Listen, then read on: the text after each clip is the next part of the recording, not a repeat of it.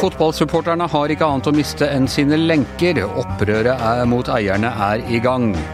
Og Sverigedemokraterna tas inn i den politiske varmen. Dette er Giæver og gjengen. Det er mandag den 3. mai. Ja, eh, Tone Sofie Aglen. Eh, Sverigedemokraterna, de politisk spedalske ytre høyrepartiet i eh, Sverige, som ingen har villet ta i med, med en flaggstang i svensk uh, politikk. Ikke bare fordi de står såpass langt til høyre, men også pga. En, en fortid blant en del av de sentrale medlemmene som går tilbake til nynazistbevegelsen. Nå er det altså duket for en enighet i innvandringspolitikken mellom dem og de borgerlige som gjør at de eh, på en måte blir tatt inn i varmen, er det riktig forstått? Eh, om det er en enighet, tror jeg vel kanskje å, å, dra det litt stort langt. Men, eh, men, det har skjedd en betydelig tilnærming. Vi husker jo alle i 2018 eh, da det tok altså fire måneder før man fikk avklart eh, regjeringsspørsmålet i Sverige. Stefan Löfven gikk vel på tidenes dårligste stortingsvalg for Sosialdemokratene, men eh, ble likevel sittende ved makta. Og, og, det som har skjedd liksom gjennom år, da, er at uh, Sverigedemokraterna har bare blitt større og større. Og det der å bare overse dem og ikke ville forholde seg til dem, har rett og slett blitt en umulighet. Eh, og det har egentlig starta hos Moderaterne, som har tilnærma seg dem og åpna for et samarbeid. Så har Kristendemokratene gjort Eh, litt sånn det samme. Og så var det egentlig proppen som virkelig løsna i påsketider, da liberalerne, som er Venstre sitt uh, søsterparti, uh, åpna døra for at å gå inn i regjering sjøl om det er på sosialdemokratenes nåde, da, eller at de må samarbeide med dem. Og, og det som vakte oppsikt nå i, i helga, var at uh, disse fire partiene faktisk har blitt uh, enige om en innstramming i denne nye innvandringsloven i Sverige. Ja, og hva, hva slags type innstramning er det? Nei, det blir jo regna som eh, relativt moderate innstramminger. Nærmere liberalernes sitt kjernestandpunkt enn Sverigedemokraterna, for å si det sånn. Det handler om eh, styrke det her språkkravet. Det handler om at eh, Altså krav til innvandrerne om eh, å lære seg svensk, liksom? Ja, litt, litt, det samme som vi har hatt i Norge over lang tid. Det handler om at uh, de skal stramme inn alle disse unntakene for å få opptak, eller for å få komme til Sverige. Uh, og en del sånn relativt sånn uh, i hvert fall om du skal se det med norske øyne, så er det ting som vi har vært for her. Men, men i Sverige er det ganske dramatisk. for Hvis du ser liksom sånn politisk på det, så har jo Sverige hatt en langt mer eh, liberal innvandringspolitikk enn både Norge og ikke minst Eh, Danmark. Men over år så har jo det skjedd en, eh, en sånn holdningsendring i mange av de svenske partiene, hvor man er mer, eh, blitt mer opptatt av å stramme inn, da. Så det blir jo liksom sagt, for det Sverigedemokraterna er med på det her, så blir det gjort ganske stort nummer ut av det, men at det her er noe man kanskje også kunne ha fått til med Sosialdemokratene. Altså, det, og En ting er at de, at de liksom har nærmet seg noe litt i, i innvandringspolitikk og antallet innv søkere de kan ta inn og sånn, men altså på, i svensk politikk, f.eks. da sosialdemokratene i Sverige, for en del år siden så stilte den svenske finansministeren på Skavlan. Eh, og da uh, var det egentlig snakk om å ha med eh, Siv Jensen, som da var finansminister i Norge. og det, Da ville ikke den sosialdemokratiske eh, finansministeren møte Siv Jensen, for det var liksom det, Der satte hun grensen for hva hun kunne drive av politisk dialog. For oss virker jo det helt vanvittig. Eh, og, og det er jo veldig Eh, det er jo ikke så rart at, eh, at uh, Sverigedemokraterna har fått gode vekstbetingelser under et sånn berøringsangst som de åpenbart har hatt i Sverige? Nei, åpenbart ikke. Og det ser vi jo også at media vil jeg si har bidratt på sin måte til å nøre opp enda mer. Når Sverigedemokraterna gjorde det her nest beste valget i 2014, eh, var det vel, så så vi jo at uh, avisa Ekspressen gikk jo rett og slett i svart. Hadde en helt svart framside. Og, og, jeg vet ikke hvor mange 600 og et eller annet svensker har i dag stemt Sverigedemokraterna. Det var liksom bilder av, uh, av partiprogrammet skitt skittent sammenkrølla liggende i rennesteinen som de brukte for å illustrere ledere. Og, og, og, det har liksom vært retorikken. Til og med i forrige valgkamp så husker vi jo at eh, programlederne under partilederdebatten greip liksom inn for å ta avstand fra ting som uh, Jimmy Åkesson sa. Og svenskene har også sett liksom med veldig sånn stor mistro til Fremskrittspartiet, da, sjøl om uh, det på mange måter er to ganske forskjellige partier. Men er dette også litt historisk? Fordi altså både i eh, Norge og, og, Danmark så har vi hatt da, en Fremskrittspartibevegelse, hett Fremskrittspartiet eh, begge, begge, steder. Litt sånn eh, folkelig, eh, ytre høyre-populistisk bevegelse mot skatter og avgifter og innvandring og, og alle sånne ting. Men de har vært de har, eh, de har liksom boltret seg der litt ute på høyresiden. I Sverige har du bare hatt sånne litt rare forsøk. Ny demokrati og noen sånne tivolieiere og sånne ting som har prøvd å starte eh, noen høyrepopulistiske partier som aldri har kommet ordentlig i gang. og så, så at det har egentlig bare hatt moderaterne på høyresiden. Og så til slutt så popper det altså opp fra rett og slett nynazistbevegelsen eh, i Sverige. Man kan jo skjønne Altså Det er jo noe helt annet å skulle samarbeide politisk med gamle nynazister enn med, med Fremskrittspartiet i eh, Norge og Danmark? Ja, absolutt. Og det er jo den, den ideologiske bakgrunnen da, for Fremskrittspartiet og sosial, eh, Sverigedemokraterna som så gjør de så forskjellig. Eh, men det har jo vært også en, eh, en, lang runde i Norge for at Frp skulle bli spiselig og husvarm.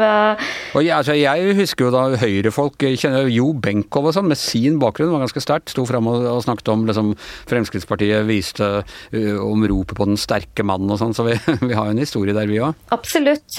Men det kanskje litt sånn spesielle med Sverigedemokraterna er jo at det er et veldig for en eh, restriktiv eh, eh. Veldig sånn hard på kriminalitet. Og så i tillegg så har de denne helt sånn tydelige sånn anti-globalisering, veldig skeptisk til EU, men også tar veldig sånn avstand fra multikulturalisme og alt det der.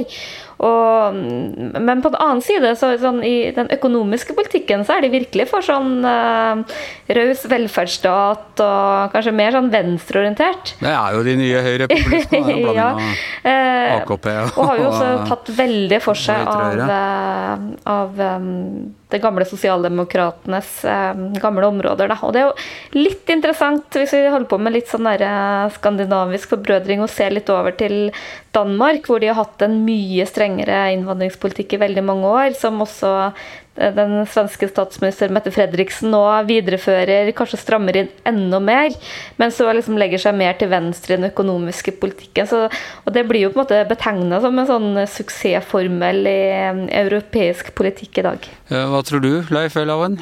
Blir det regjeringsskifte med, med, med Sverigedemokraterna i Eh, i broderlandet. Det er i hvert fall en eh, interessant utvikling eh, å se egentlig på mange plan, hvilke konsekvenser du, det vil få.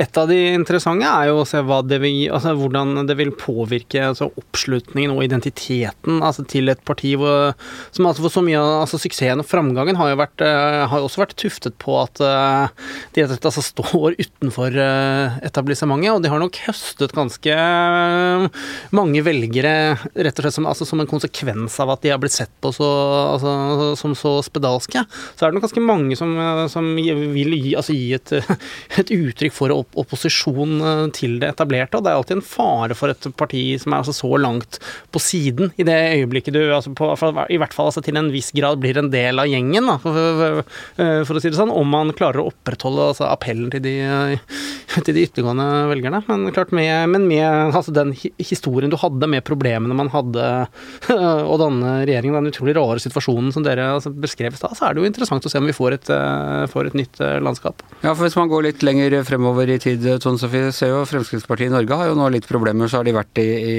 uh, regjering og tatt ansvaret, så har de gått ut igjen med det uttalte mål og, og bli mer hva skal si, populistisk og og populært igjen, og det har ikke gått så bra det. det er, man taper en, en dyd når man går i regjering. ja. Når man gifter seg, holdt jeg på å si. Ja, og det, nå er det jo også en sånn um, diskusjon uh, hva gjør det her med Sverigedemokraterna, at de faktisk uh, samarbeider med de andre partiene på en innvandringspolitikk som er liksom, langt mer liberal enn deres uh, kjernestandpunkt. Men så er det liksom det er ganske sånn Det er veldig sånn Norge og Sverige er veldig på usynk, kan man si, i sitt forhold til det, det høyrepartiet. Men det, det, det, som er den store forskjellen, er jo at der Frp nå liksom har krympa og virkelig sliter etter sine år i regjering, så er jo Sverigedemokraterna ja, For et drøyt år siden så var de faktisk målt til å være Sveriges største parti. Og selv om de også har havna i den koronatåka, så er de liksom oppe i 18 på målingene, har ligget jevnt og, og puster også liksom, Moderaterna i, nakken som landets nest største parti. Jeg tror nok at det er et uttrykk også for at uh, skal man komme noen vei i, norsk, uh, i, svensk politikk, så er de nødt til å forholde seg til dem. Litt sånn den erkjennelsen som var i, i Norge før uh, Frp ble tatt inn i varmen, om vi kan kalle det Når er det valget i Sverige neste gang? Det er valg eh, neste år. Og, eh, og, det er jo litt interessant også, fordi vi ser jo at eh, Löfven og, og Sosialdemokratene er jo mer svekka av koronaen enn kanskje den norske regjeringa har vært. Så hvis det er ett parti som i hvert fall har gjort det immunitet i regjeringskolleger, rett og slett? Ja, I hvert fall det partiet som i hvert fall en periode har gjort det ganske bra i opposisjon, er Moderaterna. Og jeg tror de på en måte er uh, usedvanlig hissige på å komme. Men så har vi jo en veldig parallell situasjon, hvor både Kristdemokratene og libera liberalene ligger liksom ved sperregrensa, akkurat som KrF og Venstre. Så det er mye som også er likt ja, i svensk politikk. Det er litt som Bizarro-planeten i Supermann, hvis noen kjenner den metaforen. Jeg skal ikke gå helt inn i det. uh, ja, uh, Leif. Uh, dette fotballopprøret fortsetter. Altså i, i helgen så stormet eh, Manchester United-supportere banen på Old Trafford og hindret en kamp mellom laget sitt og erkefienden Liverpool. Og hva er det de egentlig, for oss som ikke er dypt inne i dette her, hva er det de oppnådde egentlig med det? Altså, Eller hva ville de oppnå? Altså, det de ønsker å oppnå, er å bli kvitt den amerikanske eierfamilien. Altså familien Glazer, som uh, fullførte kjøpet av Manchester United helt tilbake i 2005. Så egentlig har vi en situasjon der vi har hatt en 16 år lang misnøye Eh, med eierne. For den misnøyen har vært der hele tiden? Det er ikke noe som bare kom med denne superligaen? Nei, det, det, er ikke noe nytt. Men altså klart det som Så dette er, dette er et kort og et langt løp eh, samtidig.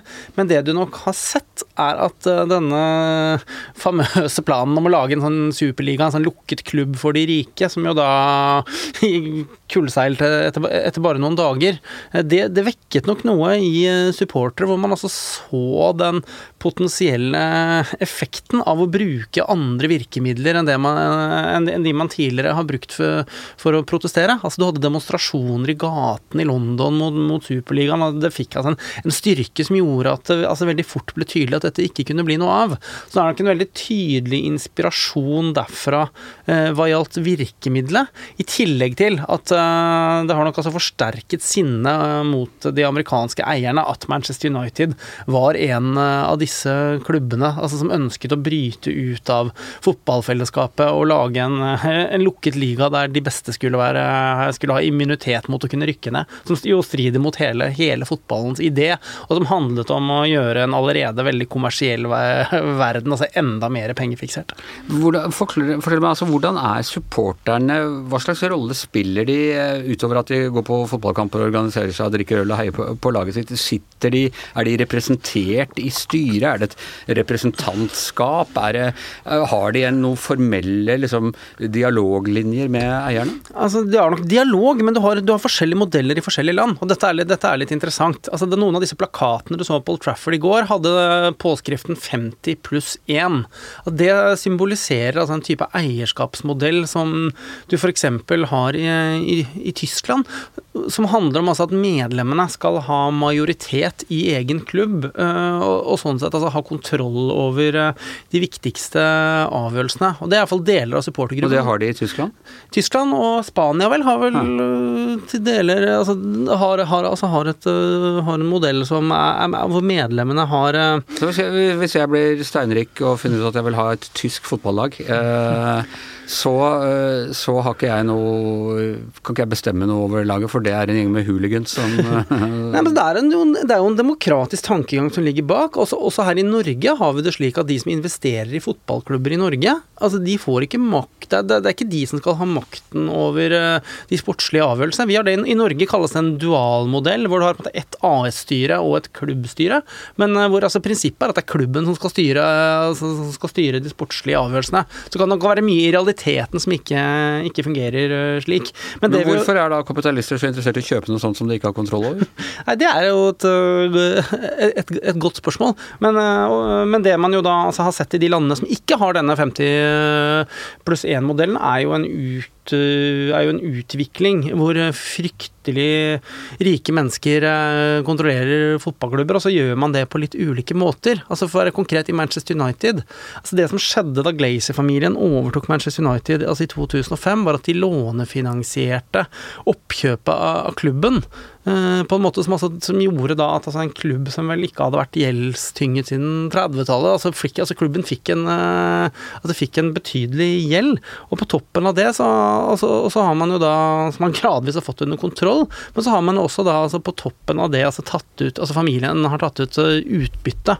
Slik eier alltid. Ja, så, så, så, fra fansens, altså fansens narrativ altså i denne historien er rike amerikanske kapitalister med en helt annen kulturell bakgrunn enn uh, en den man uh, har hatt i Manchester, som kjøper og overtar en klubb, dynger den i gjeld, altså tar ut utbytte og, og, altså, liksom. og, rett og slett altså suger kraften ut av uh, klubben. Og så har man altså, i, i, tillegg også irritert seg veldig over at du har et veldig omstridt eierskap i naboklubben, altså Manchester City, som jo eies av uh, oljesjeiker eh, ah, ja, sånn, i, i Midtøsten. Ja. Uh, da, men, så, men, så, er poenget at den eieren i Manchester City, som har, er veldig omstridt, de har i hvert fall altså brukt veldig mye penger og spyttet penger, altså penger inn. Mens deler av historien som altså Manchester United-fansen forfekter, er jo hvordan altså Glacier-familien har vært mer opptatt av, opptatt av å tappe klubben. Um, så er det jo selvfølgelig mange sider ved en historie, og Ole Gunnar Solskjær, etter at han overflukt som manager i Manchester United, har hatt, altså, har, har hatt anledning anledning til å kjøpe, kjøpe spillere og, til relativt høye summer, eh, for å si det sånn. Så det er en. Så, det er et sammensatt, det er et sammensatt bilde, men altså Glazer-familien er på mange måter altså blitt et symbol altså på hyperkapitalistisk eierskap på en måte som ses på i veldig stor kontrast til liksom det som har vært fotballens tradisjonelle sjel, da, og mye av den kampen som jo får veldig mye støtte i hele altså fotball fotball-England handler jo da om et forsøk å prøve å ta kontrollen og, og forskjellen eh, tilbake. Kan dette i det større perspektiv eh, radikalisere hele fotballsupporteruniverset i England og føre til at man eh, ja, får politiske konsekvenser? I, at man begynner å tenke ok, hvorfor skal, hvorfor skal Eh, hvorfor skal noen rike amerikanske kapitalister eie klubben min? Hvorfor skal de eie banken min? Hvorfor skal, de eie, hvorfor skal kineserne eie osv.? Altså, er det, ligger det potensial for politisk bevisstgjøring her? Altså, i, i, teorien så kan det jo det, når man ser hvor effektivt det er. altså Hvor lett de lykkes. Eh, altså Man lykkes i går, hva man fikk til eh, for to uker siden. Og så kan jo bare si, fantasien sette grenser for liksom, Hvis man hadde hatt det samme type engasjementet mot korrupsjon og for menneskerettigheter hva gjelder spørsmålet i Qatar, så kunne jo et VM som aldri skulle vært lagt til Qatar, kunne vært stoppet sånn. Dersom engasjementet hadde vært like stort hva gjelder forhold som er et stykke unna der, men dessverre er det i hvert fall ikke så langt noe som altså, tyder på at eh, når det gjelder Qatar, så holder vi oss til litt sånn vage T-skjorter og plakater og sender noen brev, mens eh, når det er ting på hjemmebane, så er det annen og langt kraftigere lut som vekkes i supporterlandskapet. Ja, nei, det er ikke noe som kommer av seg sjøl. Opprøret har bare startet, og fotballsupporternes opprør må være fotballsupporternes eget verk. Det er det vi rekker i Ever og Gjengen i dag. I hjemmestudio Tone Sofie Haglen. Her i studio Leif Welhaven og Anders Giæver. Og dommeren og produsent er som vanlig Magne Antonsen.